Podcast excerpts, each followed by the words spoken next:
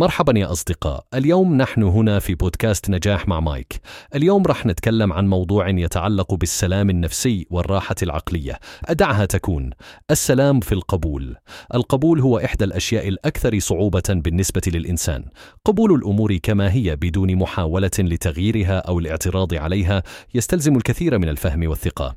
هذا خصوصا عندما الأمور مربكة أو صعبة. الإحباط والخوف والغضب كلها آثار بشرية طبيعية للشعور بأن الأمور لا تسير حسب الخطة. الأمر الذي يجعل قبولنا للواقع أكثر صعوبة هو توقعاتنا ورغباتنا الشديدة في أن تسير الأمور كما نريد. وليس كما هي في الواقع.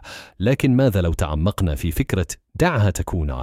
عندما نقول دعها تكون نقصد أن نتقبل الأمور كما هي أن نتقبل الأشياء التي لا يمكننا تغييرها وأن نستسلم لحقيقة الحياة.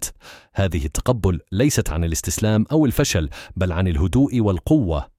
فالقبول يسمح لنا بالتركيز على الأمور التي نستطيع فعلا التحكم فيها والتأثير عليها.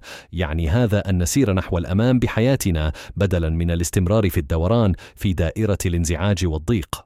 قد تكون الطريقة الوحيدة لنتوقف عن مقاومة الواقع هي قبول الأمور كما هي والقبول بأن غدا سيكون يوما جديدا وأن الحظ سيكون في صالحنا في النهاية. هذه كانت فكرتنا اليوم عن دعها تكون.